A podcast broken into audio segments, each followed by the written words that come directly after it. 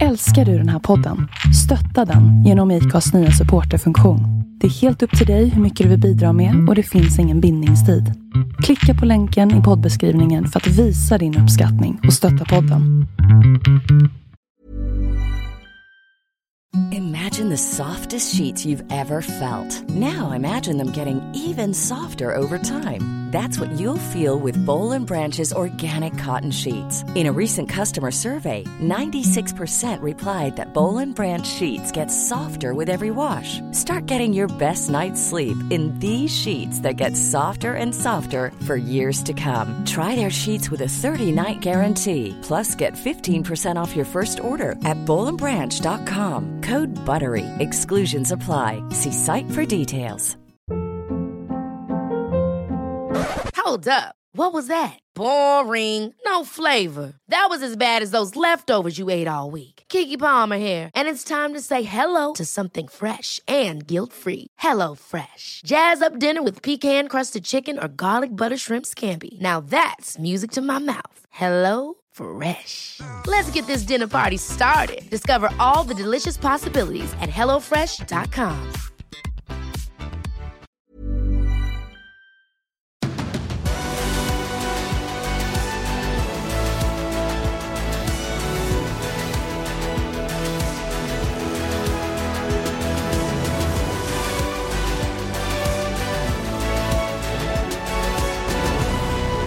Välkomna till MotoGP-podden. Idag med Andreas Mårtensson, Tobias Lajon och Sandu Berlin. Precis som vanligt. Vi har ju del två och eh, fortsättningen av Tobias Lions eh, liv och karriär. Och eh, nej, men vi hoppar rätt in i det och tar fortsättningen. 98, men då var det så att de här som hjälpte till ifrån Eskilstuna, MC-garaget, Roffe hette han som ägde den eh, och eh, Jonas meckade där. Då hade de kontakt, eh, kände en kille som hade kontakt med Christer Åkerblom på Triumph. Och där kom ju, någonstans i den krokarna kom Triumph 595 hette den. Men det var ju en trippel som var på nästan 1000 kubik. Ja, 955 var det. Ja, det var något sånt. Så det var ju en, en cykel som, ja, den var lite tung egentligen då. Men jag fick möjlighet då genom de här eh, personerna att eh, låna cykel, eh, få bra ekonomisk hjälp för att köra Superbike i SM och i Scandinavian Open med den cykeln. Eh, och jag vet inte om det blev något slags undantag i reglementet för den där, för jag tror inte den egentligen platsade in med sina... Ah, jag vet inte, du vet med motorn där att det var... Det var något annorlunda i alla fall. Men, men jag körde i alla fall eh, den säsongen. Med en hel del tekniska problem var det väl i och för sig. Men det var ändå så att det blev, det blev åkning av och jag fick åka många race den var väl inte helt konkurrenskraftig för ärligheten ska fram. Jag kommer ihåg jag såg dig köra på Linköping med det där och ifall jag inte helt galet minne så kom du sjua eller någonting. Ja, jag tror att det där var ungefär mina bästa race. Linköping, eh, någonstans där i de trakterna och sen vet jag på Falkenberg kan det vara något liknande, sexa, sjua. Eh, och där, Falkenberg var ju fördel då, den gick ju fort hela varvet. Så då var man ju inte lika handikappad av eh, accelerationen då framförallt, för den var ju tyngre. Men eh, Sen fattar man ju att det var vikt och annat. Men för mig var det där en, en möjlighet att få köra utan att betala särskilt mycket. I mm. princip var det en fristyrning, år två. Men, men var inte Rolle Norlin med där också på något vis? Ja, men det som hände det året var att jag körde och det var ju många som eh, beklagade när det var tekniska problem, för det var rätt mycket meck. Och då hade jag mycket meckhjälp det året. Det var ett par killar där, Jonas Tessén bland annat, som eh, barndomskompis som hjälpte mig och meckade och slängde i ur motorer och bytte det ena och det andra hela året. Och han var väldigt systematisk och noggrann och det var... Ja, det på något vis så blev det styrning på det här med... Ja, men med, man började jobba lite med fjädring, började jobba lite med inställningar, med drevningar och med det som gick att göra, som man kunde göra. Så det var ju all heder åt det, den insatsen. Eh, och vi var även och tränade i Frankrike tidigt på våren där nere på Pau Arnaud, eh, ner mot eh, Pyrenéerna. Så att det, det var en, en del, liksom en, ändå en, ett snäpp upp i satsning. Och slutet på den säsongen, då var det just Roland Norlin som hörde av sig och sa att han skulle dra ihop några stycken och köra sista stockracet i England, i Storbritannien. Så, och det gick på Thruxton det året. Så då skulle han ha förare ifrån Fireblade Rookie Cup, eh, Bland annat Minin då skulle med. Och sen var det även Niklas Kindåker som var snabb den säsongen, 98. Och sen ville han ha med mig som hade varit snabb året innan. Eh, men jag hade ju ingen cykel. Så jag fick, eh, jag fick helt enkelt låna en cykel utav en av Andreas Johansson som fotar lite grann för... Ja, från Uddevalla exakt. För övrigt kompis då med den här Tommy som slog runt. Så Andreas var ju också en Fireblade-skrotare av rang. Han hade ju, vill jag minnas, romerska siffror bak på sina Fireblades i ordning. Vilken, vilket nummer i ordningen han åkte på då. De, det var inte många som var hela. Och det var inga, han gjorde inga små krascher, någonsin. Utan det var liksom, det var, han var sista ägaren på många hojar vill jag minnas. Som inte hade behövt vara sista. Ja, det var spännande. Och han har gjort massa idolkort åt mig förresten när jag körde Pro Superbike. Ja, du ser. Vägarna korsas. Ja. Men det roliga var att han, var ju, han hade ju skrotat så många hojar så han var ju rätt obrydd att låna ut hoj till mig till det här racet. Nej, det där kan du låna, sa han. Finns flera. Finns flera. Okej. Så jag lånade den och Rolle hade byggt i ordning en racebuss.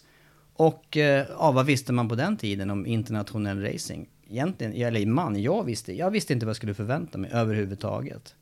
Och det var ju lite brytpunkt där också, för då hade R1 kommit. Ny generation R1 98, det var ju den vassaste. Vi kom till Truxton, tre svenskar, aldrig åkt utanför Sverige, på Honda Fireblade. Som, det var ingen som åkte det brittiska mästerskapet. Vi kvalade in, tror sex, nej inte nu, kvalet vet jag inte hur det gick, men jag vet ju hur racet gick sen. Men, eh, men vi fick lite hjälp på plats där utav just, eh, det var inte ens Philip McGallen då, men det var, däremot så var det, mm, nu ska vi se så jag, tapp, så jag inte tappar namnet. Rolle hade ju en hel del kontakter där. Phil Reed var det. Som var in. Phil Reed och sen hade han lite bekanta. Så gamla, gamla världsmästaren Phil Reed var inne i vår box där och snackade med oss och ställde upp fotografering och de hjälpte oss med fjädring. Jag bara, det här kan ni inte ha grabbar, det funkar inte här på. Och den här utväxlingen ska ni ha, ni måste köra det. Och, så att våra cyklar från ena passet till det andra, då blev vi plötsligt, tog ju världens hopp i, i fart. Men jag, men jag mm, hade precis den här upplevelsen som du sa Andreas, med eh, hur man upplevde banorna. Det var ju som åk, det var ju inte, det hade man ju aldrig upplevt, den farten och den ytan att åka på. Är det någon som åkt på Truxton av er? Nej, ja, det var Nej, inte. ja. Är det en snabb bana? Ja, jag tror det är snabbast i Storbritannien. Hyfsat snabb då. Hyfsat snabb, 160-170 i snitt. Eh, första gången och brett och inga, inga referenser, bara ett stort fält. Och det bara gick fort hela varvet. Det var någon kurva man kom på femman fullt. Ja, det var ju så här som man bara blundade och inte riktigt visste hur man skulle hantera. Vi höll på att missa det racet i alla fall. Därför att eh, vi hade inte koll på det här med utsläppstider ifrån eh, att, att depåutfarten stängde. Och vi var, på något vis var vi sena i det här. Vilket gjorde att vi tre svenskar på plats kom ut sist på griden. Eh, precis, vi blev precis utsläppta på våra, och ut sist på griden. Och eh, jag vill minnas att vi slutade sexa, nia och tolva i det racet. Och jag tror att jag var sexan utav de här. Så det var, det var mitt första internationella. Och då, då första gången tänkte jag att ah, jag kan ju även hävda mig utanför Sverige. Så det var lite då jag fick upp ögonen för att varför ska man tänka bara Sverige i det här? Du var inne på att du ville vara svensk mästare. Tydligt. Och jag var mer så här att, ja, Senare, ska tilläggas här. ja, Ganska sent i karriären. ja exakt. Men, ja, men då ville jag ut och åka internationellt efter det där. Och det här var slutet av 98. Det var slutet av 98. Vad hände året efter, 99 då? Ja, då skaffade jag en kava. Alltid lite udda val här, men jag, det var ju inom eh, Du sa ju att Monark. R1 var ju bäst. Jag vet, Varför jag vet. blev det ingen R1 då? Samma där, ekonomi. Jag hade inte riktigt, hade inga ingångar någonstans. Jag kände inte något folk tyckte jag. Men var det genom MC-firman i Eskilstuna? Nej, då var det genom eh, Monark. Eh, de, Triumph var ju samma. Triumph och Kava låg i samma. Så då fick jag möjlighet att i alla fall köpa en Kava ZX9 till Ja, vettiga pengar. du, du hade blivit kompis med folk i Ja, huset ja. under Traja-eran där. Ja. Och så insåg jag att den här kan jag inte fortsätta med. Nej. Så då blev det ZX9. Tänkte kombinera brittiska och svenska. Hör vilka planer. Det lät ju helt Var omöjligt. fick du de två miljonerna ifrån? Nej. Nej men du vet, det fanns ingen, fanns ingen verklighetsförankring i det här utan nej, Storbritannien, bra konkurrens, spännande banor.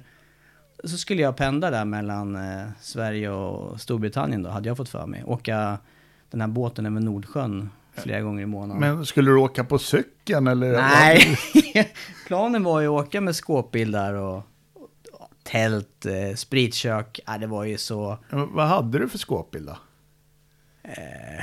det var lånade grejer. Någon skeva van var det bland annat. Som vi fick dra ut dubbdäcken, dubbarna ur till första träningen i Frankrike. Dra ur varje dubb för hand i den där skeva vanen. Annars får här- fortsätta. Men, men berätta Drog två och en nu. halv liter milen. Du fick loss en Kawasaki till något vettigt pris gissar jag. Ja. Och sen så var det Frankrike försäsongsträning. Ja. Och sen var det till England för att det var något race i anslutning till Japp. träning. Första race gick på Cadwell Park. Då slog jag för övrigt Philip McAllen i regn. Mm. På det racet. Men hade, då hade du mekaniker och extra fälgar med regndäck och allt Ja, sånt där. ungefär så. Det var väl ungefär, det var inte mycket mer ska jag vara ärlig och säga. Och Knappt ett tält. Vad var placeringen då? Ja men det var ju, jag vill minnas att det där var ju ett regnrace och regn var jag bra på så det var nog ja, runt topp 10. 10, 11, något sånt. I, I brittiska stockmästerskapet då. Och där var det ju, i mina ögon var det ju nästan fabriksför. Carl Harris körde där bland annat. Han vann ju stock-EM sen. Eh, och eh, ja, men de, han var ju toppgubbe där då bland annat. Så att eh, det gick ju fort i täten. Vem hade du med dig som meckare då? då? Hade med mig en, eh, en barndomskompis från Eskilstuna, Fredde. Eh, och han hade också lite ambitioner att köra, så han körde lite själv på en cykel som han hade med sig och meckade lite åt mig emellan, men körde inte mästerskapet där. Va? Så att det där var ju en turné som var... Vi skulle till Frankrike och sen till England. Du lockade med honom för att han skulle få köra lite själv. Ja. Och skruva Och åt mig. mecka åt dig Och såklart. mecka åt mig, ja. Ja. Lilla baktanken. ja, exakt. Ja, det där höll på att ta en ände med förskräckelse första racet. Efter det så missade vi nämligen att... Eh, vi missade hur långt det var upp till... Var gick färgerna ifrån på den här tiden? Långt norrut? Newcastle. Felixstowe. Newcastle, ja Newcastle. Fyra timmar ifrån det här racet. Och dagen efter racet gick vi bara flanera på stan där och väntade på ingenting. Kom på att oj, vi ska ju köra 40 mil. Och det var tre timmar till båten gick eller någonting. Så det var ju full gas med den här vanen då till, eh, till Newcastle. Och han med båten med minuters marginal. Och det var ju, då gick ju båtarna eh, måndag och eh, ifall de gick torsdag eller fredag. Så det hade blivit, annars hade vi fått köra ner igen och över till Frankrike och hem. Stökigt. Stökigt. Stökigt. Så det, det var, du hör ju, det var inte så välplanerat. Och sen kom ni hem och sen var det SM då nästa tävling. Ja, det var Jag tror att jag hann med något race på Donington emellan. Jag tror att jag var på Donington och körde också stock. Eh, och eh, sen var det också SM och då gick det, kanske första eller andra loppet gick på Svista. Och då var det gigantisk krasch för min del. Då var det, då var det en sån här krasch som man bara höll andan. Det var upp mot eh, Torpan, ingången där. Man gick på bromsen. Eh, och sen, sen var det bara cykeln rätt ut i spenaten där. Mm, Hamnade ute på bondens åker som Ja. många andra. Och jag ganska tilltufsad. Så där blev det faktiskt, den säsongen blev det, det blev det sista jag gjorde den säsongen. Och det var ju på våren. Så det blev bara två engelska race och Två engelska, ett, halvt. två svenska. Ja. Ja. Och sen blev det lite skada, inget allvarligt, men eh, framförallt hade jag inte råd att repa den där cykeln. Så att eh, där, där var det ju så här som att, det var ju bara ont i magen hela sommaren. Hela sommaren. Ja, Känner du igen det här ja, någonting? ja, ja, absolut. Det här var ju... Nej, jag vet inte riktigt hur man kom igenom det där. Jag vill minnas att det öppnades en möjlighet eh, antingen senare samma säsong eller under vintern. Det var i alla fall så att till eh, säsongen 2000 då hade jag fått eh, frågan om att köra som eh, fjärde gubbe. Eh, Anders Petrolilja var svensk mästare i superbike och eh, hade tankar och planerade endurance-satsning i VM. Och eh, jag ska vara helt ärlig och säga att jag minns inte hur själva inledningen till det samarbetet. Men jag, jag tror att jag fick frågan vid något tillfälle om jag kunde tänka mig vara som reservförare i det teamet till säsongen 2000. Så vill jag minnas att det inledde. Och, och då var tanken att inte att köra superbike? Jo, då... Alltså i SM? Jo, eh, jag tänkte så då att eh, jag hade ju inte kört. Jag visste att vi skulle åka på hans eh, 750 som han... eh, Det var ju det dåvarande Superbike-reglementet var ju 750 trimmat. Och jag hade aldrig kört 750. Eh, och nu hör du ju här, det var Honda Fireblade, det var Triumph, det var Kawasaki. Sen till 2000 då, när jag hade fått den här frågan, då tänkte jag att då ska jag åtminstone åka på något så likt som möjligt storleksmässigt. Så då köpte jag en eh, G6R 750 standard. Eh, ny såklart, för att slippa mecka. Men var det, körde han också Suzuki då? Han körde Suzuki då. Och då tänkte jag att då, för att få så mycket åkning som möjligt så, så låter jag den vara standard. Då kan jag åka in, då fanns det någon stockklass som man kunde åka i, i Sverige. Och i Superbike. För det var olika, vill jag minnas den säsongen. Hette det inte Stockbike? Hette det inte Stockbike? Eller... Ja, det här, jag är lite oklar i minnet över det här. Men jag har för mig att jag hade, räknat, jag hade i alla fall räknat ut att man kunde köra flera tävlingar. Eh, kanske hade jag även någon tanke om att jag skulle kunna åka någon stockrace. Du vet, det var, du hör ju här. Det kan, Oplanerat. kan ha hetat standard 750 eller något sånt där. Man fick köra med standard 750-maskiner oavsett var IZF eller Suzuki. eller Stor Kawasaki. standard. Stor standard kan det heta faktiskt. Ja. Eh, så en sån cykel införskaffade jag för att åka eh, stock med det året. Ihop med att åka som fjärde förare. Och då hade jag ju all, nu kom jag på en rolig grej till här. Just med min eh, brist på teknikkunnande. Det, jag- den, det, här har jag hört talas om någon... Vad kan det ha varit? En cykel som inte gick så fort på rakan? Precis så var det. Hämtad från Tyskland eh, under eh, ganska oklara omständigheter där. Men den, den inköptes i alla fall. Hämtades på landsbygden i Tyskland. Och eh, jag fick skjuts där ner och hjälp fram och tillbaka. Och hjälp att ordningställa den där hojen. Kom till det här försäsongslägret i Anderstorp då som vi snackade om tidigare. Kom ut med den här hojen på rakan. Och det kändes ju som att Äh, det bara vissla förbi. De här Supersport 600, alla gick snabbare. Och jag åkte en hel dag på den där. Jag försökte också köra in cykeln lite fint så att jag inte liksom... Jag, jag tokkörde inte, men jag körde inte heller så långsamt jag kunde. Utan ja, men, rimlig fart. Men det bara vissla hojar på alla möjliga håll. Och jag undrar om det här skedde efter första eller andra dagen. Då var jag nästan gråtfärdig. Jag tänkte, alltså är det sant att en 750 går så här långsamt? Så jag gick runt och frågade lite grann och det var ju någon då som kläckte det här. Men alltså var har du köpt den här hojen? Ja men jag köpte den i Tyskland. Ja men de har ju strypningar i insuget. Va? Stryper de hojar i Tyskland sa jag. Ja, ja visst det stryps ju då. Så det var ju, det var ju inte den här snälla stryp, det var ju som ett, det var ju i godset var det som, som kilar insatta i insuget. Så det var en, det var en rejäl strypning där. Och då hade jag min bästa vän, barndomsvän, Kalle med mig. Så han fick ju, vi fick ju låna ihop verktyg där, någon sidovagnsteam och hitta någon Dremel. Ja, Dremel, exakt så var det. Så den fick ju han sitta med där under kvällen, natten och, och slipa bort allt där. Sen gick det ju bättre i alla fall, tillräckligt. Fick man göra det då? Förmodligen inte. Ja, men det är ju mekanisk bearbetning. Ja. Nej. Ja, det där frågar inte jag om såklart. Jag har inte ens en tanke på att man inte fick göra det. Nej. Ja, de, det- de var nog strypta i Sverige också, men, men, eh, jag, har, inte- jag, har, jag har en 600 i garaget och, och när jag meckade med förgasarna på den, då hittade jag uppe i eh, trottellockens tak, satt det några plastgrejer som hindrar trottlarna från att gå upp i topp som jag pillade ut snabbt som ögat när jag upptäckte dem där. Så det, det, det var säkert en enklare strypning på modellen ifall du köpte den i Sverige än, än det Kalle fick göra.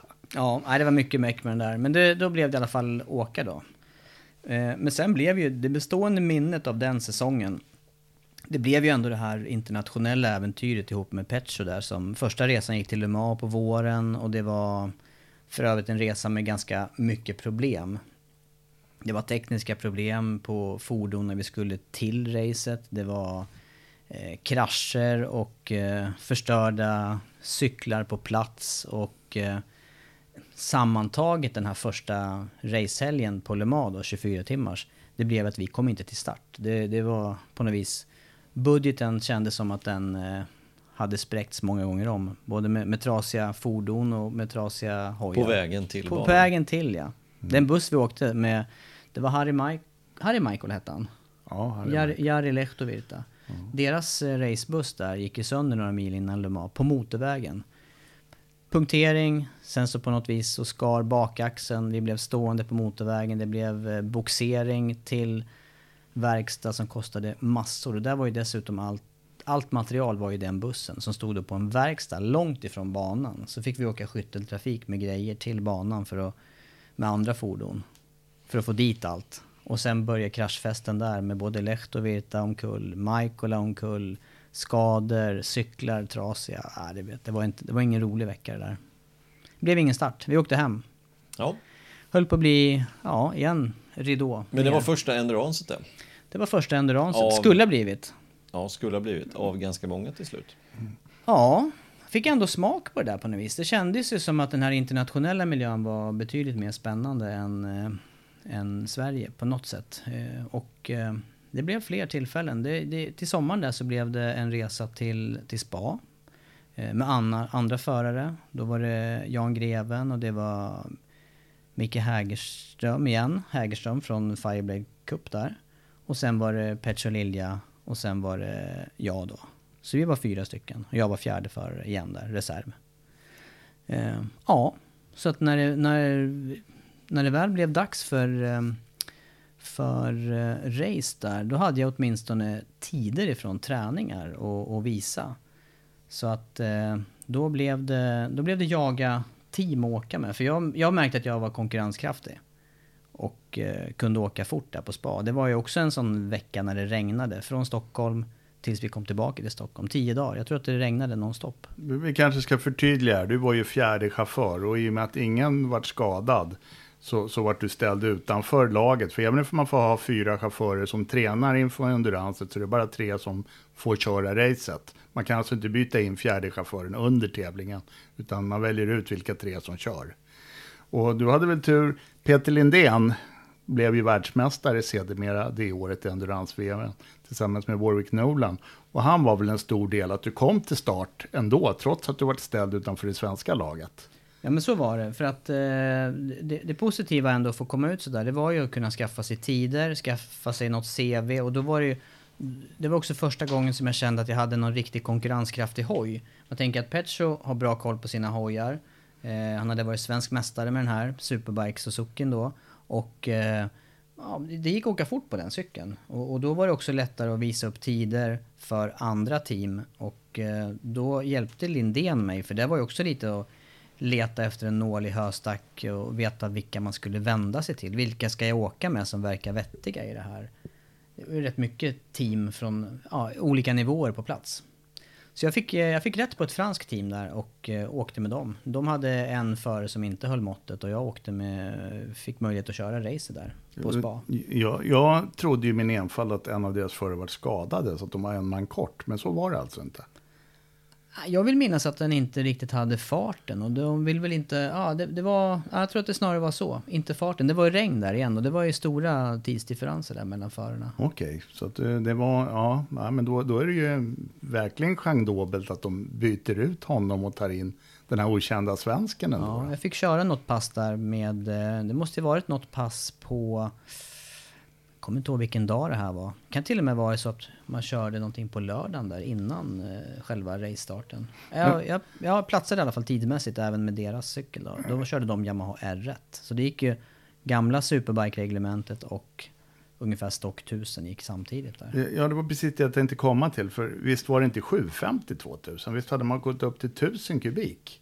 För Honda hade väl presenterat VTR och körde väl också endurance Ja, men jag tror att man kunde köra parallellt med det här gamla Superbike-reglementet också Okej. då. Ja, för mig det. Så då blev det R1 där. Och sen blev det med det franska teamet. Infinimoto ifrån eh, Troyes i norra, norra Frankrike. Spännande. Men, men eh, det året körde du flera tävlingar med dem. Jag körde Spa och jag körde, de körde bara, det hette Master of Endurance hette det då. det, Så det gick ju det. bara Le Mans, Spa och Boldor. Och då hade Boldor flyttat från eh, Le Castellet där nere i södra Frankrike upp till eh, Magnicourt. Ja.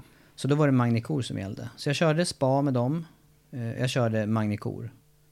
Och eh, kommande år efter det så körde vi alla tre då tillsammans. Men då bytte 01. ni till Suzuki 01. också gissar jag, eller? eller? 01 måste vi ha bytt till Suzuki. Eller nej, vi gjorde det till och med under säsongen. Vi inledde med, vi inledde med Yamaha på eh, Le Mans och sen så bytte vi under säsong till Suzuki. Ah, helt märkligt. Jag vill minnas att vi bytte märke. Så vi, jag hör ju, jag åkte ju alla märken där under några år. Det var ju in, ingen gång som det var likadan cykel. Men vi bytte till Suzuki och den var ju stark. Jag tror att vi bytte till sista racet 01 och 02 blev, blev vi sen eh, eh, mästare i Master of Endurance. Och ni körde Superstock-klassen. I stock ja. ja så det var ju inte, det var inte superproduction. Men, men på spa där till exempel, där var vi då ett, vi var etta i stockklassen ett år. Undrar om inte, var det du som kommenterade det Ja, jag satt på Eurosport och kommenterade de där racen. Och jag vet att jag gjorde telefonintervjuer med dig under eh, körningen och fick information i livesändning.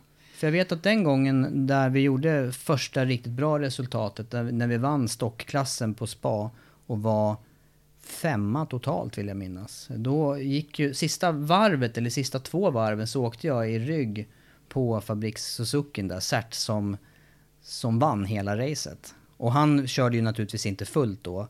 Och jag körde ju inte heller fullt, men jag tänkte att håller jag mig här, då blir det åtminstone tv-tid. Så jag minns att vi, vi låg i bild där sista två varven utav det här 24-timmarsloppet. Så vann vi, de vann eh, Superproduction då, st- och racet totalt, och vi vann stockklassen. Det, var, ju- det var häftigt. Kan, kan ju förtydliga att Super Production-klassen, eller ja, Superbike-klassen, då, då hade man ju fullt eh, fjädringskit med ja, Ylins komponenter, även framgafflar och snabbkopplingar på hjulen. Men alltså i stock, då var det mycket som var standard. Man fick alltså inte ha snabbhjulbytessystem och så vidare. Man tankar ju båda klasserna förstås med snabbtankgrejer. Så att, Men det var lite fördel vill jag minnas det där första året. För att då var det regn och eh, det som eh, skilde då, det var att man behövde ju inte byta hjul varje timme. Det gick ju att åka, alltså Super Production-cyklarna, med deras regn, de bytte ju inte regndäck tror jag varenda pass. Och vi, åtminstone var inte vi lika handikappade av att inte kunna byta däck varje pass. För att annars var det ju torrracen där, då, då räknar man ju på det där hur, hur det skulle funka bäst under dygnet. Men var man som tredje förare, då körde man oftast tredje timmen på bakdäcket. Vi körde ofta tre timmar på bakdäcken och då var det ju halt. Det var jättehalt sista timmen. och jag gissar att det är du som fick vara tredje förare i de flesta fallen. Ja, det var det. Fast, inte, fast inte i rangordning, alltså inte fartmässigt. För jag, jag var snabbast, men de satte mig som tredje. Jag, jag kraschade inte, jag gjorde, inga, jag gjorde aldrig något misstag. Fast det var, eller jag ska inte säga aldrig, men jag gjorde få misstag. Men det, det var väl en taktik, då kunde väl du åka lika fort som de andra killarna kunde, men de hade fräschare däck än dig. Ja, enkelt. så var det ungefär. Så det jä- jämnade ut sig för teamet. Hade de satt den som var långsammast på tredje passet så kanske det hade blivit bedrövliga tider. Ja, mycket möjligt. Så att, och jag kommer ihåg det där, jag kommenterade ju i stort sett alla de här endurance-racen tillsammans med Björn Inge, Binge, mer kallad. Och han, han är ju lite guru inom endurance och följt med sedan 70-talet. Så att det var spännande. Det, det, var ju, eh, det var ju Peter Lindén och Kralle Lindholm var väl med också. Och du körde. Så att, eh, och just när svenskteamet var nere, det, det vart ju inte så mycket med, med Petjo. De, här, de hade ju mycket strul. Men det var roliga år, kommer jag Mm. ihåg. Ja, för mig blev det ju där vinstlotto. Där blev det ju för, för första gången att man hamnade på rätt väg och kom vidare på något vis. Det blev ett sätt för mig att, att komma vidare. Och fördelen där igen blev ju att så länge, då var det ju ungefär som att den som var långsammast i teamet betalade mest för sin styrning. Och jag var ofta snabbast och eh, slapp då betala. Så att det, var, det var ju win-win på något vis. Eller bara åka dit och köra. Lite motsatt som du har berättat bra. Andreas. Med alla timmar och lägga ner liksom i garage och allt det här. Jag har ju inte, jag hade varken förmåga eller kunskap till det, tror jag. If- Nej, if det, är lite, sum det är lite an, annorlunda väg så att säga. Jag körde ju alltså, sprintrace. Ja, ja, ja, det är helt annorlunda. Endurance är ju en annan, en annan sak. Helt annan. Och, men jag fick åka motorcykel som jag tyckte var roligt. Hur många Mycket. år åkte du med Infinity-teamet? Jag åkte med dem lite 00 där, jag åkte 01. Vi vann Master of Endurance 02 och då kombinerade jag Master of Endurance med eh, BMW Boxer Cup också. För de gick eh, samma helger. Och fick kontakt med Lennart Bäckström där på BMW och eh, fick en Boxer BMW och köra BMW Boxer Cup som var åtta tävlingar. Ganska bra prispengar, bra möjligheter att vinna grejer. Och många av de förarna kombinerade Endurance-VM. Stefan Mertens och ja, det var några olika namn där som körde. Gwen Gabbiani. Ja, exakt. Som körde för Polis National där. Eh, Så de, de kombinerade det. Tyckte jag var en vettig... Dels visste jag vilka förare det var och jag tyckte att vi var ändå på plats och körde. Fick lite av den här sprintrace-känslan då. När, när var detta? 02? Det var 02 ja. När körde Stigefeld? Körde han?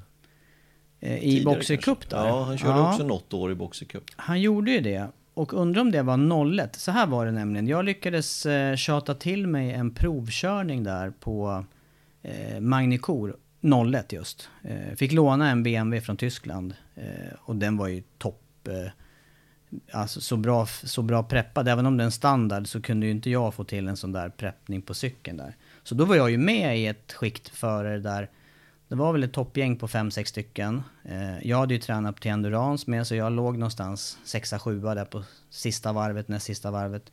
Kom ikapp en varvning som hade blåflagg och byter spår precis när jag ska köra om honom. Så jag kör ju in i honom i god fart bakifrån. Och vi, vi kraschar så hårt så att vi hamnar på varsin sida av banan. Och den där eh, hojen då från BMW Tyskland blev ju inte sig lik efteråt. Den, den, nej, det var, så, det var pinsamt att lämna tillbaka. Jag hade ju lånat den på lite lösa premisser där. Hur slutade det då? ja, vad ska jag säga? Jag bara, ja, så här gick det. Jag försökte förklara. Det var ju samma där, det fanns ju inga kameror som kunde visa hur det där hade gått till. Men eh, det slutade i alla fall med att jag, jag berättade för Bäckström hur jag hade legat till innan den här kraschen och såklart skulle ha en cykel ifrån BMW till nästa år och köra den här kuppen. Så det, det slutade med att jag fick eh, en cykel ifrån BMW Sverige då i alla fall. Och slapp betala den. Och slapp betala den där tyska.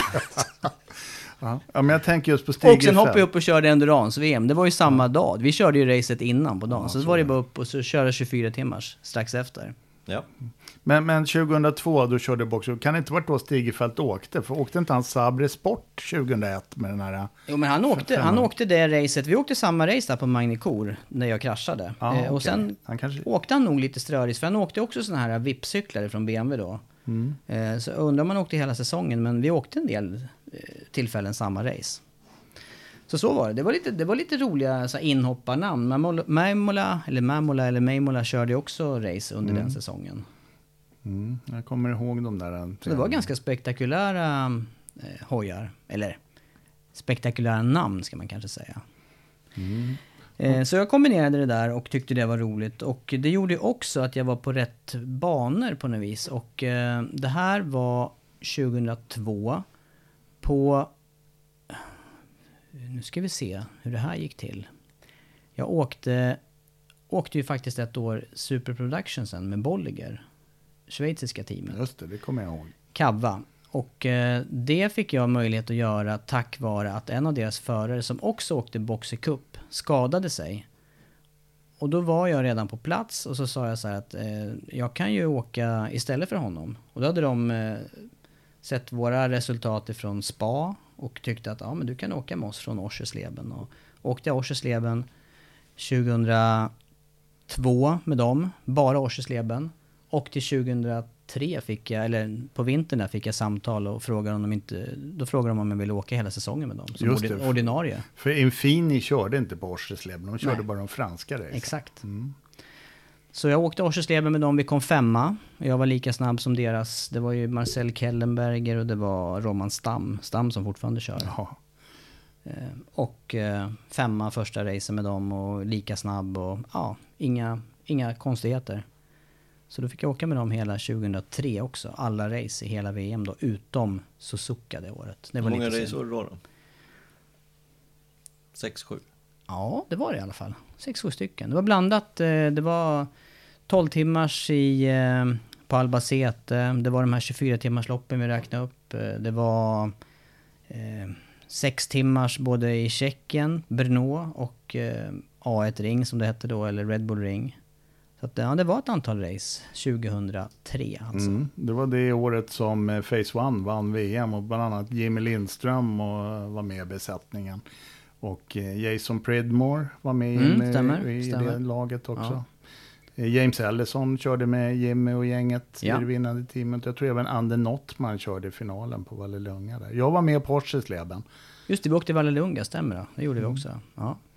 Så jag minns. kommer ihåg när du körde Bolliger det året. Eh, Det var, ju en, det var ju enda nackdelen där. Vi kom åtta i VM det året. Och eh, det enda nackdelen var, som jag tycker, var ju att den där cykeln var ju undermotoriserad. Alltså det var ju 900 då. Alla andra körde ju R1 eller eh, G6R 1000. Det var ju de som, som gällde. Så, så just det, var ju, det brukar jag tänka på Andreas när vi snackar A1 Ring eller Red Bull Ring som en effektbana. Sex timmars lopp, jag körde inte om någon. Jag lovar att jag inte körde om någon. Nej, det är, det är förståeligt. Nej, det är bara full gas i princip. Ja, det hände ingenting. Det var så frustrerande. Men det var ju spännande. Jag körde nog en så här 20, 25, 24 timmars lopp. Kraschade ur ett enda utav dem. eh, Så att vi inte kom vidare. Annars Jag kom får med vi du nämnde någon gång att du har gått i mål 17 gånger i... Ja, det kan nog... Ja, runt... Ja, det, ja. Du hör ju, det är, det är flytande. Jag har faktiskt inte samma statistik som Andreas på det här. Li- Dålig på att sätta samman min egen... eh, mitt eget CV, ja. Mm, faktiskt. Ja. Men spännande år. Mycket som hände. Mycket spännande incidenter och spännande upplevelser och resor. Och åkte ju nästan bil eller eh, lastbil till alla de här tävlingarna runt om i hela Europa. Då. Vad hände till 2004 sen då? 2004 körde jag, då körde jag igen med eh, Infinimoto därför att Bolliger eh, ville ha, jag tror stora, en stor hake där var att jag inte var tysktalande. De var nästan helt tysktalande i det teamet. Så jag tror att de lite ville ha tysktalande förare där. Eh, jag blev i alla fall åsidosatt under, det var, det var ingen större grej utan det bara blev att nej, nästa år ska vi ha en annan gubbe. Eh, jag körde igen med Infinimoto den säsongen i Master of Endurance. Och vill inte minnas att jag kombinerade med någonting annat. Jo, jag åkte lite endurance här hemma ju. Det här... eh, Vad hette det då när det drog igång? ERF? ERF, va? ERF åkte jag ju. Det var ju- Endurance Racing for Fun. Ja, det, så blev det. Och det var ju det som höll på att bli... Ja, så var det ju. Då åkte jag ERF med just Micke Hägerström igen. Vart inte det ett karriäravgörande lite grann? Jo, det var ju det det blev faktiskt. Eh, och eh, det var under våren där så fick jag erbjudande att åka med, för jag åkte också några race med Fagersjö El där ju med Niklas, eh, tappade jag bort efternamnet. Karlberg. Karlberg, exakt. Eh, och eh, då skulle jag bland annat åka i Kina med dem. Men eh, det blev nej hemifrån. Det var för långt att åka och det var för farligt. Och, och istället blev det ERF på Knutstorp och det var ju inte farligt alls. Det var ju, då, det var ju min enda krasch i karriären som jag trodde att det här går, det här går inte bra. Inga bromsar där efter, efter rakan. Så det, det blev karriär, lite avgörande för mig och känsla att eh, nej, det är inte bara ens egna misstag som gör att det kan gå snett, utan det var bromshaveri, hoppa av hojen. Vad kan det gå där Andreas? Du som har kört mycket på Knutstorp. 230 kanske? Ja, jag fick väl ner farten lite grann med bakbromsen där. Med platt låst bakhjul som Ja. rök blått. Min plan var att sladda omkull hojen. En, två, jag skulle ta den på andra, jag skulle ta den på andra returen om man säger. Sladda åt ett håll, lägga över till vänster, sen skulle jag vika omkull den helt och hållet till höger. Det var min plan när jag inte hade, eh, när jag märkte att jag inte hade frambroms. Men det går ju ganska fort. Det där är ju under någon sekund eller två. Ja, inte ens det. Man hinner inte tänka Nej, och sen hade jag ett gäng förare som jag höll på att köra in. Vi ledde det racet vill jag minnas, eller låg tvåa. Och det var tio minuter kvar. Så det var inte så här mycket att köra om längre. Utan, men det, den stora grejen där var ju att dels går det fort och sen var det förare framför. Och jag kände att den där planen, den kommer inte hålla för jag kommer kunna åka in i de här förarna framför.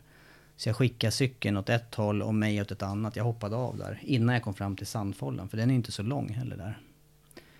Men det där, då hann ju hela, faktiskt hela livet passera revy. Ja, då tänkte jag verkligen att nej, det här, nu, det här var sista kraschen. Nu är det, nu är det tack och godnatt, alternativt eh, armkorräcket i... Cykeln åkte ut i skogen där såklart. Det var en otäck krasch. Och du var ju faktiskt bestående men av den kraschen. Ja, men det var ju inte så illa som man trodde då i, i första läget. Men jag tordes ju inte röra mig ut i sandfållan. Det var en sån här krasch som jag bara tänkte, jag ligger kvar tills jag får hjälp här. För att jag tänkte att allting var brutet. Jag låg ju precis intill räcket där. Men hade inte slagit i räcket. Men däremot blev ett, ett finger eh, blev, eh, ja, tilltygat ska man väl inte säga. Men det blev brutet, så det är ju krokigt. Det var ju det enda.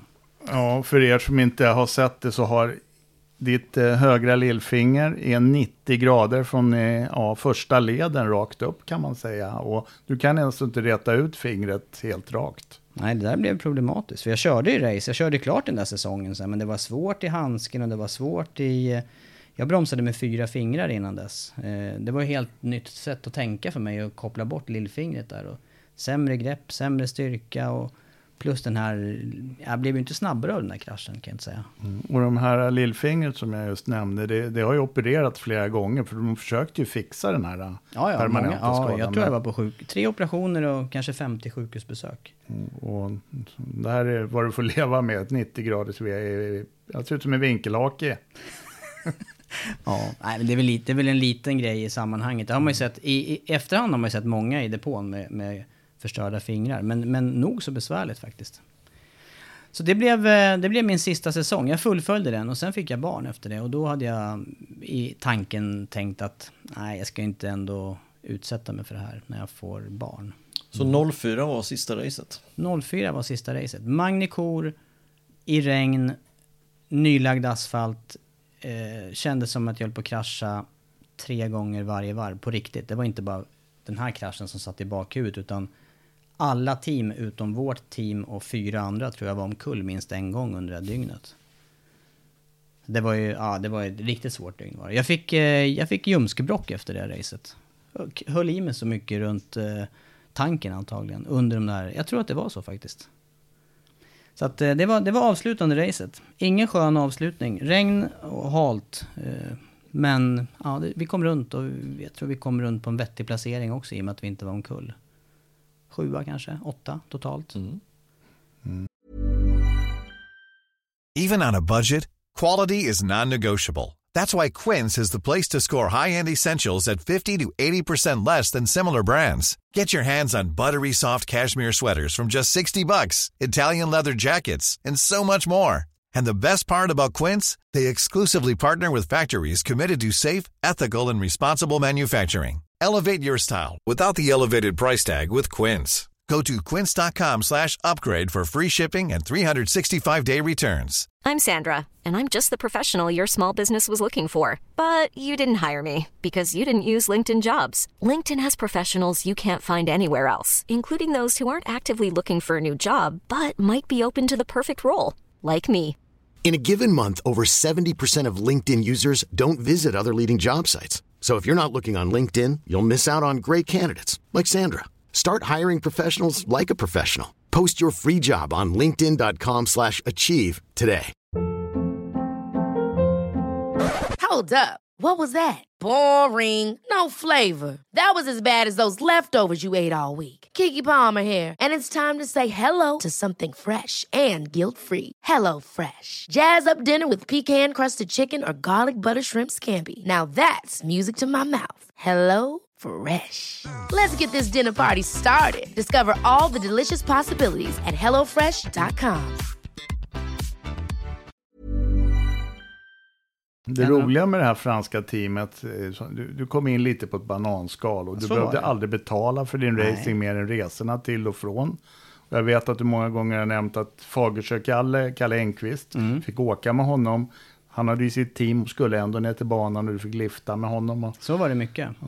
Nej, det var, för mig var det där, all, allt sammantaget här var ju att det var, det var eh, på något vis enkelt sätt att racea för mig det här. Just som du säger, man inte jaga sponsorer, eh, bara dyka upp och köra och sen var det bra med det. Och det var körningen som var det primära. Och sen kunde det, så, så fanns det ju tid att vara social också under tiden då. jag har lite folk faktiskt som jag känner runt, som jag faktiskt träffar och hänger med fortfarande ibland. Ja, du är ju god vän fortfarande med det här Infini-gänget. Ja, de har varit här och jag har varit där och de brittiska förare jag har kört med. Och, ja, det känns som att det, där var, det var kul, eh, kul år det där. Mm. Och också, som du märker också Andreas, när vi är på plats i GP-depåerna, det är ju ansikten som kommer tillbaka. Som man har träffat på olika... Man känner igen varandra ansiktsvis. Och nu när det är i MotoGP-depån, då är det lätt att säga hej, eller det är lättare att komma in på ställen. Många av de som både du och jag har kört mot, de, de jobbar ju på något sätt i MotoGP-depån, mekaniker eller coach eller vad det nu kan vara för någonting. Mm. Det som är slående med Tobbes karriär är att han har alltså haft stora framgångar internationellt, men tämligen okänd i Sverige. Du, du lämnade den här ankdammen och gav dig ut på ett större äventyr liksom. Ja, ganska omgående skulle jag säga då. Redan år två eller ja, något liknande. så kände jag, och jag, jag vet inte, jag tror att det där var en blandning utav eh, saker som gjorde det där. Dels de här gamla eh, Eh, gatåkarupplevelserna runt i Europa. Att det var spännande att uppleva nya platser, det var spännande att träffa nya människor. Och så såg jag ju min begränsning i det här och ha ett eget team hemma. Jag, jag kände att jag kan aldrig bli konkurrenskraftig eftersom jag har för dålig infrastruktur runt omkring på något vis med folk och ja, mecka och allt det här. Men, men du blev ju ändå tvåa där första året i, i Fireblade Cup där. Om du Ja. hade varit kvar hemma, tror du efter, alltså gjort någon till Superbike-säsong, fått någon styrning någonstans, hade du inte kunnat vara med och vinna där? Och hade det, tror du, öppnat andra möjligheter? Ja, mycket möjligt. Jo, jag tror att jag, med facit i hand så tror jag att jag var, det märkte jag ju när jag åkte internationellt. Ja, de, flesta, de flesta som, var, som jag åkte med var ju någonstans nationella mästare i sina klasser. Och jag var ju lika snabb som dem på, på samma material. Så att, eh, Och du blev, vad sa du, sexa, sjua med den där triumfen? ja, i något enstaka race ja. Ja, Som var ganska Ja. dålig på den tiden. ja, ja. ja. Den var ju tyngre och slöare och säm, ja, det var ju en sämre cykel, så var det ju. Ja. Jo, det är klart jag tänker på det ibland. Hade ju varit kul. Men jag tror inte att det hade varit möjligt, eller igen där, inte varit möjligt med... eh, Med Det de... finns ju inte de där teamen riktigt i Sverige, fanns ju inte då heller riktigt att man kunde köra för team, utan de teamen som finns, de drar man ju ihop själv lite. Ja. Det är ju föraren egentligen som driver teamet. Jag har några bra race som, som jag minns. Och det var det här som jag sa, vi kom femma på, på Orsesleben. Det var sånt där 24 timmars race där det regnade, där vi körde på upptorkande på natten. Men det var ett spår som var torrt att åka i. Eh, gällde, man, man fick inte sätta en fot fel på hela dygnet. Och jag gjorde inte det. Jag vill minnas att det var en sån där, det var ett felfritt race. Bara åkte hela dygnet. Eh, och, och slutade femma. Sen var det ett race med det här franska teamet som vi värmde upp inför Le Mans på våren. Körde vi franska stockmästerskapet. 110-120 förare dök upp där, liksom första racet för säsongen. Man behövde vara 55 för att kvala in. Jag tror att det var 50-50 start. Och jag låg eh, 12 på sista varvet i racet. Eller ut på sista varvet. Dubbelhögen där innan start och mål. Blev jag precis innan passerad av en Kawasaki och jag tänkte, inte en Kawasaki, det är 900 kubik på den här hojen. Jag kör Suzuki 1000 då. Men det var ju, det var ju deras fabriksförare i Endurance-VM. En utav, ja, tappar namnet nu men... Gregory LeBlanc eller någon som... Ja, någon, någon riktigt vass förare i alla fall. Eh, så jag, ja, jag gjorde en miss där i, i dubbelhögen, krascha. In, inte särskilt dramatiskt men det var synd. Det, det var, den racet var sådär så att det gick fort hela vägen. Eh, jag minns att jag jämförde varvtider då med Kai Börre Andersen. Han var ju snabbast i Supersport då, i EM. De körde samma helg. Mitt sämsta varv var fortfarande bättre än hans eh, bästa. Men då körde vi för sig 1000. Men den, den, ganska, den där banan var rätt jämn i varvtiden med 600 Supersport och 1000 stock då. Men, Ja. men, men det där vart din sista säsong i alla fall. Ja, 2004, så det är ju länge sedan nu. Men, men du, racingen försvann ju inte i och med det. Berätta vad som hände sen, till 2005. Till 2005, då blev ju det med eh, Eurosport. Eller vad tänker du med? Ja, ja, ja, hur kom du in där? Alltså, jag, jag vet att jag hade ett finger med i spelet. Men, ja men du hade till? definitivt ett finger med i spelet. Eh, Det var ju att... eh, Nej, det, Nej, du får nästan hjälpa mig där Sandro. Jo, men vad jag kommer ihåg, det var ju att eh, vi hade väldigt mycket sändningar. För Eurosport sände ju både MotoGP, Superbike-VM och Endurance-VM. Och eh, jag brukade ju kommentera med Binge, men jag hade ju också all Superbike på min agenda. Så att det vart lite för mycket för mig. Så att jag kände att... Eh, plus att vi hade ju haft kontakt över telefon. Du gav rapporter från när du klev av cykeln och så vidare. Och gjorde det ju bra dessutom, tydligt sådär. Så att du kom väl in och testade på våren med Binge och hoppade in. Och sen körde ni något år tillsammans, Ja, stämmer. endurance-sändningarna. stämmer. Ja. Så det, ble, det blev ju också ett roligt sätt att avsluta hojkarriären på att, eh, att komma in och, och hänga kvar med tv-sändningar tycker jag. Då. För då blev det ändå inte så, det blev lite mjuk landning ifrån det här hektiska livet. Och vi fick ju även hoppa in på någon GP-race där ganska tidigt och köra några få race. Och, ja, sen, sen utvecklades ju det där till att vi har satt att eh, köpte rättigheterna till 2009 där. Och där blev det ju vidare med Äpplet då och sen Janne Blomqvist och ja, nu Andreas Mårtensson. 2020. Nej, vi, det var ju, första året var 2016. 17. 17. Ja, det, det har gått fort. Ja, det går ju jättefort. Det är ju länge sedan. Det är 11 säsonger på Viasat som eh, har kört. Det, Ja. så Ja. att, ja. Kombinerat med eh, 12 lärarjobb. säsonger. 12 till och med. Mm, Det är precis avslutat en säsong också. ja. Men eh, ja, och, och nu hoppade vi rätt snabbt framåt här, men, men eh, berätta lite om vad du mer har kommenterat, för det är inte bara motorsport du har kommenterat. Nej, det var ju det här som var... Det här är väl igen då mm, något som har följt mig. Att jag säger nog gärna... Jag säger gärna ja. Man får frågan. Får vara lite på chans och...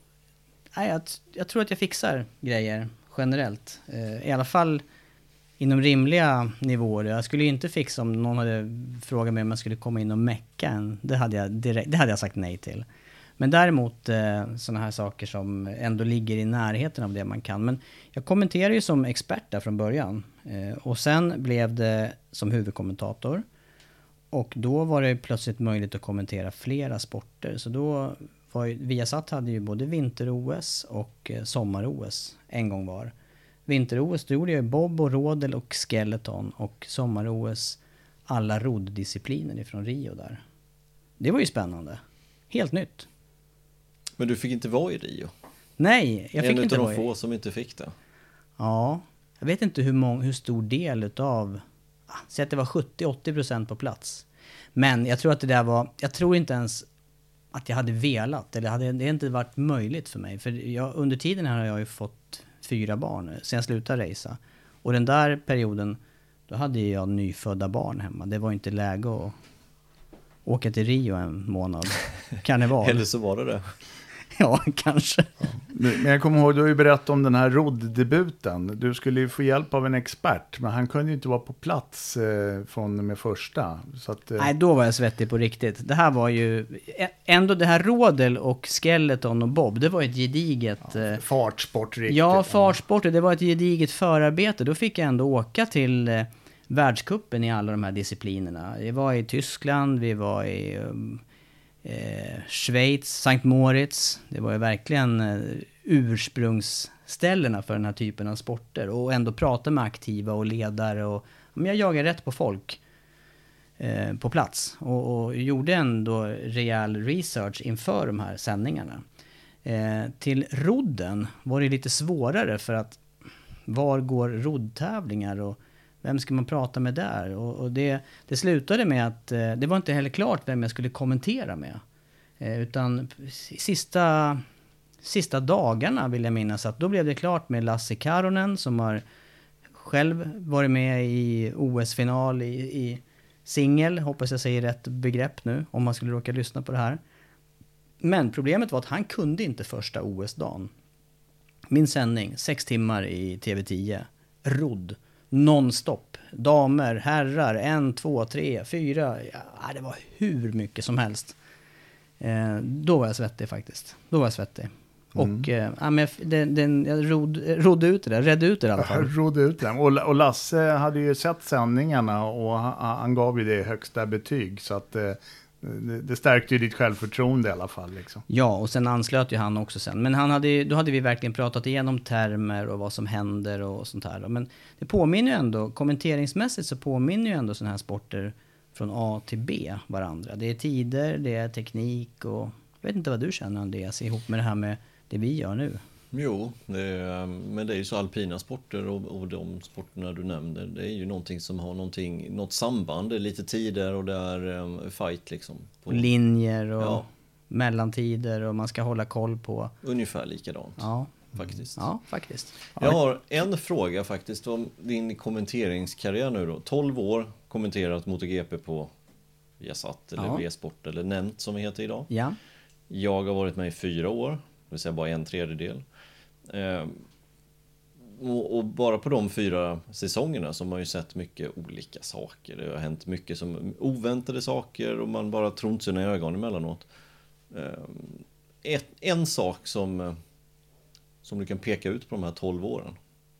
Det blir lite oförberett här. Har du någon speciell, det där trodde jag inte skulle hända, eller det där var något unikt, eller? Du har ändå sett alla träningar, alla kval, alla race under 12 säsonger. Ja, men, och kommenterat. Ja, men vi har ju berört det där i, under våra fyra år. Har det ju hänt någonting nytt varje år. Hela tiden ja. Ja, och du har ju också levt i den här världen i 20-25 år. Aktiv och nu efteråt. Eh, och, och, och jag har kört endurance. Jag räknade lite på det där de här säsongerna med eh, när jag tävlade som mest med endurance och åkte Boxer Cup. Då hade jag ungefär 1000 racemil på en säsong. 1000 mil race, det är ju mycket. Även om det är endurance och, och allt det här. Men, men man, man, ser ju både saker på banan och, och vid sidan av. Och ändå är det nya saker som händer. Allt ifrån det här med när Jack Miller stod, och, stod ensam på startgriden och vi undrade vart de andra skulle ställa upp i Argentina. Ja. Till eh, de här, eh, den här starten på Sachsenring när alla kom, när det var huggsexa ja. om vem som skulle först ut på banan där. Eller såna här högfartskrascher som är helt eh, makalösa med Marcus där på Mugello. Sådana där saker är sånt som, det poppar ju upp hela tiden. Mm. Men sen liksom som, som verkligen har varit för en själv under de här tiden. Det, ja, det, det är lite svårare. Jag, jag, jag kommer nog mer ihåg sådana här... Eh, jag, jag, tycker jag kommer ihåg mycket möten med människor och, och platser. Och jag tyckte det var otroligt storslaget när vi var i USA förra året. Med, jag har aldrig varit i USA tidigare. Eh, det var både stort landet och vi var med... Vi, det här att prata med de här gamla stjärnorna som man har sett och, och följt sedan barnsben. Robert Spencer, vi var hemma hos Colin Edwards och eh, körde på hans ranch där. Och bara det här, det känns som att ja, man får verkligen lika, nästan mer nu leva sin dröm på något vis, sen barndomen. Sådana händelser tycker jag sitter kvar. Mm. Jag vet en sak som berörde dig, det var ju tragiskt och negativt, det var ju Tomisawa. Du var ja. ju på plats när det hände, han eh, omkom på Misano var det va? Den var ju svår, den olyckan var svår på så vis att jag fick beskedet på en papperslapp över axeln under MotoGP-racet. För han körde ju Moto 2. Kraschen var ju i det racet, sen körde man ju MotoGP-racet. Och, och så kom det då bara en lapp över axeln i sändning. Och det var ju nästan inte så att man kunde fortsätta prata den sändningen. Och det var ju liknande egentligen när Simoncelli gick bort på, i Malaysia där. Det blev ju inget race. Men den dagen, det var ju, då var ju vi i Stockholm och gjorde det. Eh, då var det bara hem, lägga sig på sängen. Jag tror inte jag gjorde en sak den dagen. Det var, det var Nej, så och det här gick otäckt. ju på morgonen. Det här var ju ja. vid 10, 9, ja. halv 10 på på förmiddagen. Ja, så det, sådana där, det är ju... Ja, den sitter ju kvar hos mig också. Jag satt ja, i tv-soffan på den tiden. Det, det, är ju, det, är ju, det är ju faktiskt det att det är ju en utsatt sport. Det händer inte ofta, men, men eh, ja, de få gånger det slutar sådär illa, då är det inte roligt att vara kommentator. Nej. Men om vi, om vi vänder på det, jag fick ingen riktigt svar på den mer än alla Nej. möten du hade där. Men om vi tar om du får välja ut ett race där du känner, för, för jag känner ju så på morgonen ibland när man tar sig till jobbet, ibland gör vi det i Stockholm, ibland på banan, att man känner att den här dagen, den längtar jag efter. Jag längtar efter att klockan blir 14.00 starten ska gå för att man är så inne i bubblan på något ja, sätt. Ja. Har du något race där du känner extra mycket så? För jag har ett sånt nämligen. Inte från när jag har kommenterat men ifrån 09 fram till nu. Har du något, något race där du verkligen har känt spänningen, eh, intensiteten som du kan komma ihåg? Oj. Svår fråga bara. Mm, det här var svårt. Ja, men Därför att, ja, men jag vet ju hur, efter hur racet utvecklades så vet jag ju att en sånt här riktigt avgörande race som var som man tänkte, hur blir det här? Det var ju det här Rossi Marquez i Malaysia. Men det var ju först när racet gick igång på något vis. Eh, sen var det ju sån där, eh, mm, ja, flera gånger har jag varit på plats på Mugello och den, den stämningen, det här, ofta har bott nere i Florens, man åker upp mot banan där och eh, det, det är sån magisk inramning på hela det. Så där kan man nästan säga vilket år som helst. Och, och, och då är det också känslan efter racet när, när publiken stormar banan och det är fullt på banan. Det är sån där... Och, och, och som kommentator är vi ju precis i närheten av prispallen så att då är man ju mitt i det här. de är starkast, de där, de där ställen, de där tillfällena. Vad tänker du på Andreas själv? Då? Nej, ja, mm, då kommenterar inte jag, men jag tänker ju på just den säsongen du säger där, 2015 med, med Marquez, Rossi, Lorenzo. Just finalen, Valencia. Ja, den blev ju så. Alltså inför den finalen, de två veckorna från Malaysia till Valencia. De var ju, det var ju så intensivt. Ja, det var intensivt. Överlag inom MotoGP-världen. Och det blev så konstig final där nere Ja, i. Valencia. Det blev ju som bara dött. Allting dog ju på något vis. Ja. ja. Även, Jo men en bestraffning och det hängde i luften, det var överklaganden från Rossi till KAS och det var, det var mycket, det var hur mycket som helst som hände de två Mm, veckorna. det. Och så massa smutskastning på sociala medier. Och Ja, folk det- det var- tog parti de för och emot. Ja, det var, det var mycket snack liksom i bubblan så att säga. Och sen så blev det ju en, en väldigt intensiv final också. Rossi startar sist och kör upp sig. Och ja. två Honda-förare bakom Lorenzo som fightas. Mm. Men, men Ja, eh, många spännande. jag, någon som jag var på plats på så var det också finalen 2017 för min del. Det var ju inte avgjort, nästan avgjort till Marquez fördel. Och det var här med mapping 8 och Just det. Marcus får sitt framhjulsläpp in i kurva 1 och Dovi jagar på där. Och det var också väldigt, när det är öppet och man kommer till en final, då, då allting kan ju hända. Ja. Alltså, Och den här känslan att komma till. Det är ju det som är spännande med racehelgerna när vi är på plats. Om vi är där från torsdag eller ibland har vi varit på plats onsdag och gjort någonting innan. Men den här stegringen i intensitet och spänning på något vis känner man ju av under helgen. Och just söndag morgon, där är ju verkligen som, det är drabbning, det, nu ska det ske. Och det kan ju vara vilket som helst av de här 20 racen som, som sker under en säsong. Sen är inramningen lite olika, men det är verkligen, hela depån går ju in i något mera eh, ja, alla går in i sin bubbla. Ifrån mekaniker till däck. Det är ju inte, det är inte på söndag morgon man gör de här djupintervjuerna direkt inte direkt. Nej. Eller stannar någon i depån och frågar efter något dumt. Nej, Det gör man inte så. det gör man inte söndag morgon. Och det där känns från start. Ja, det gör det. Men du, vi måste också prata om speedway. Ja, det kan vi visst göra. Du har ju kommenterat speedway också. När började du med det egentligen?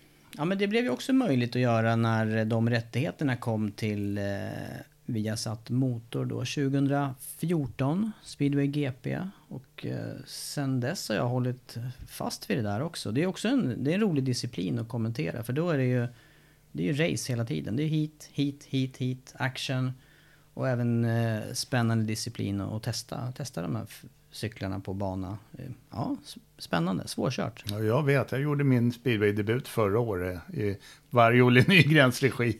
Och det såg inte ut som på tv när jag körde kan jag tala om. Visst visst är det oväntat svårt? Ja, det var det faktiskt. Och läskigt, inga bromsar. Man är inte riktigt van vid sådana motorcyklar liksom. Nej. Nej, så det stämmer. MotoGP, speedway och sen de här eh, OS-sporterna. Sen har jag även gjort något DTM, jag har gjort lite rallycross och ja, en blandning med sporter helt enkelt. Men du är också eh, kommentator uppe i Hallstavik. Berätta lite mer om det. Hallstavik är ju Rospiggarnas hemmaarena och där är det kommentator, speaker på banan då. Eh, Det är ju något annat jobb än det vi gör på TV, för då är det ju att kommentera så, så man gör det förståeligt för publiken på plats som ser olika saker på något vis. Och då är det lite mer förklara förutsätt vilka står på startlinjen, vilka... Ja, det, det, är en, eh, ja det, det är ett annat jobb och ett annat samspel också uppifrån domartornet där tillsammans med domare. Man håller ett tidsschema och det är saker som är eh, eh, på ett sätt lite, det är lite krångligare än att göra det vi gör i TV. För där, där bestämmer du och jag på något vis. Nu tittar jag på Andreas. Bestämmer vi takten och det vi ska snacka om. Men på arenan är man styrd av yttre saker också. Hur länge har du varit eh, Rospiggarnas speaker? Det är, eh, ja de var ju fem år kanske. Ungefär. Jag drar till med fem år. I år blev det ju ingenting ihop med corona här. Då var det ju publiklöst. Eh, hoppas att det ser annorlunda ut nästa säsong såklart. Att det kan bli fler tillfällen till sånt. Rätt intensivt för dig då. Du är både lärare, du kommenterar MotoGP, du åker upp till Hallstavik varannan vecka. Hur får du tid? Fyra ungar också. Du är min idol, Tobbe. Ja, jag vet inte om alla skulle säga det, men eh, du säger ibland när vi möts att du är trött. Men jag tänker så här, jag hinner inte tänka på att jag är trött riktigt. Jag tycker att det är... Eh, Du tar igen de där åtta åren på kryckor. ja, Fortfarande. ja, jag- det kan nog vara så. Om man gör någon analys av sig själv här. så kan det kanske vara så. Men eh, nej, bitvis för mycket är det ju såklart. Lärarjobbet är ju spännande på ett annat sätt. Det är ju med människor aktivt. Det har jag hållit på med i 25 år. 25 år, högstadiet. Så um, det är, um, ja, det är intensiva veckor.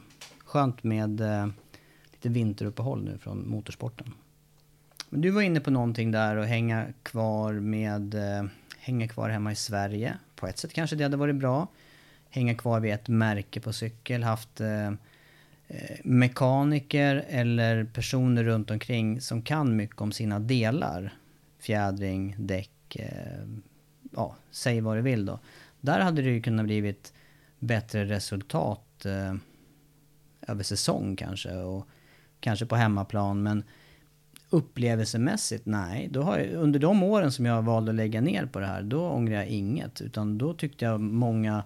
Visst, det kan ju låta spretigt när man pratar om franska mästerskapen, brittiska, endurance-VM, Boxer Cup och alla möjliga fabrikat hit och dit. Men det var lite som det som föll på. Ja, det låter bra tyckte jag. Och såg mer äventyret än själva resultaten. Och så fick resultaten komma därefter då. Så att... Eh, mm, hade varit kul att ha ett... Det hade varit kul att ha ett professionellt team. Det hade varit kul att kunna börja tidigare. Sen hade det kul, hade varit kul om den här höften hade funkat perfekt. För jag kan ju säga att jag har ju inte skrapat vänsterknät någon gång i, i roadracing. Det har ju aldrig varit i backen.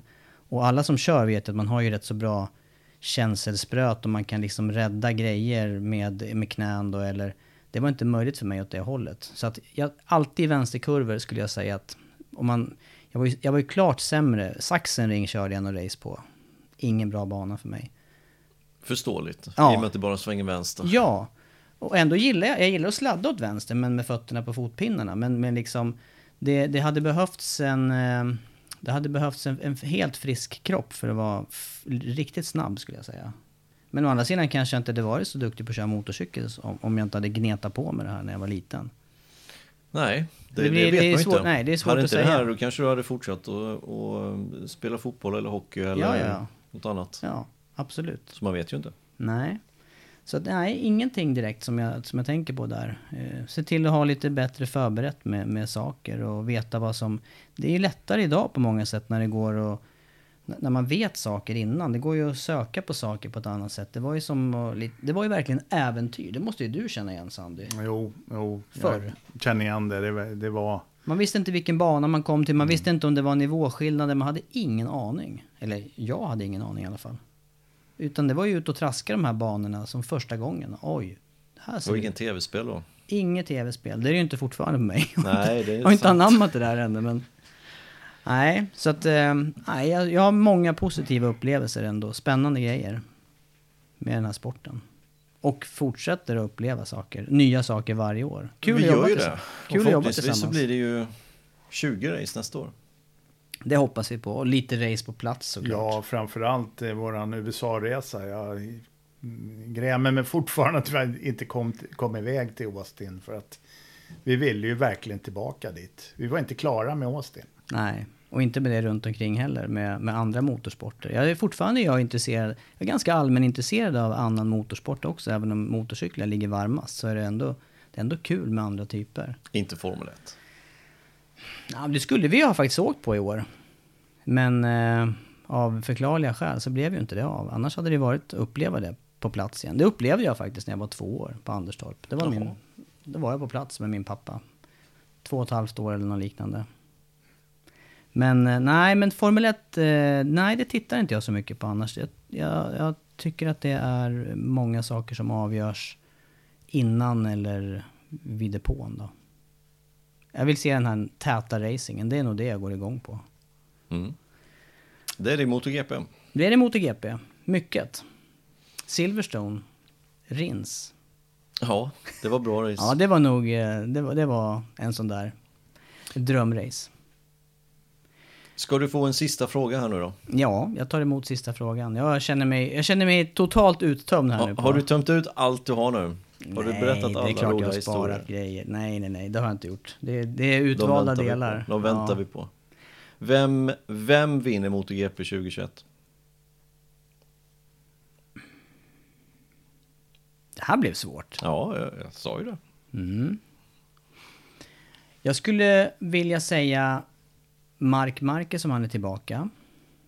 Men du hör ju att det är en tvekan där. Om han vi är vet ju tillbaka. inte om han är tillbaka. Nej, för vi vet inte det. Och då ligger... Eh, ja, alltså Morbidelli blev ju tvåa i år. Jag vet inte vad han får för uppdateringar på grejer. Ja, alltså han var... Han, han imponerade ju i slutet på säsongen här. Och med tanke på hans fjolårssäsong. Nej, Så sticker jag och säger först Marcus och så säger jag Morbidelli. Ja, kul. Ja, se ifall det stämmer. Vi får se. Ja, vi får se. Är det dags att avrunda? Ja, det är dags att avrunda. Ja, tackar för att jag fick eh, tillfälle att vika ut. Jag får ju så sällan det. Tack för att du vek ut dig. Och Ja. som vanligt så vill vi tacka våra patrons, alla som stöttar denna podden. Nu är det nytt år och eh, det är bara att hålla i med eh, poddandet. Snart är det den 28 mars, visst är det så? Mm.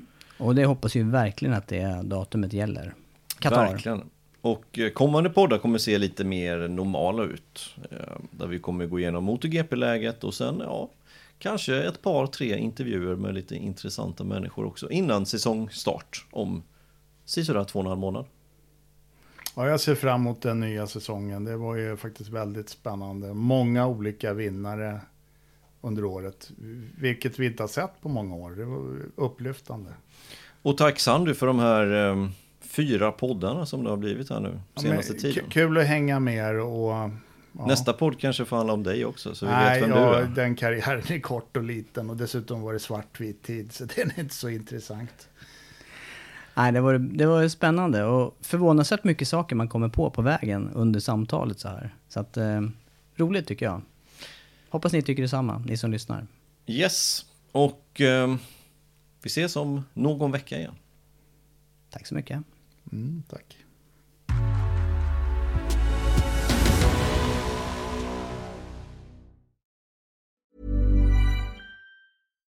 Hi, I'm Daniel, founder of Pretty Litter. Cats and cat owners deserve better than any old fashioned litter. That's why I teamed up with scientists and veterinarians to create Pretty Litter. Its innovative crystal formula has superior odor control and weighs up to 80% less than clay litter. Pretty Litter even monitors health by changing colors to help detect early signs of potential illness. It's the world's smartest kitty litter. Go to prettylitter.com and use code ACAST for 20% off your first order and a free cat toy. Terms and conditions apply. See site for details. Ever catch yourself eating the same flavorless dinner three days in a row? Dreaming of something better? Well, HelloFresh is your guilt-free dream come true, baby. It's me, Kiki Palmer. Let's wake up those taste buds with hot, juicy pecan-crusted chicken or garlic butter shrimp scampi. Mm. Hello Fresh. Stop dreaming of all the delicious possibilities and dig in at HelloFresh.com. Let's get this dinner party started.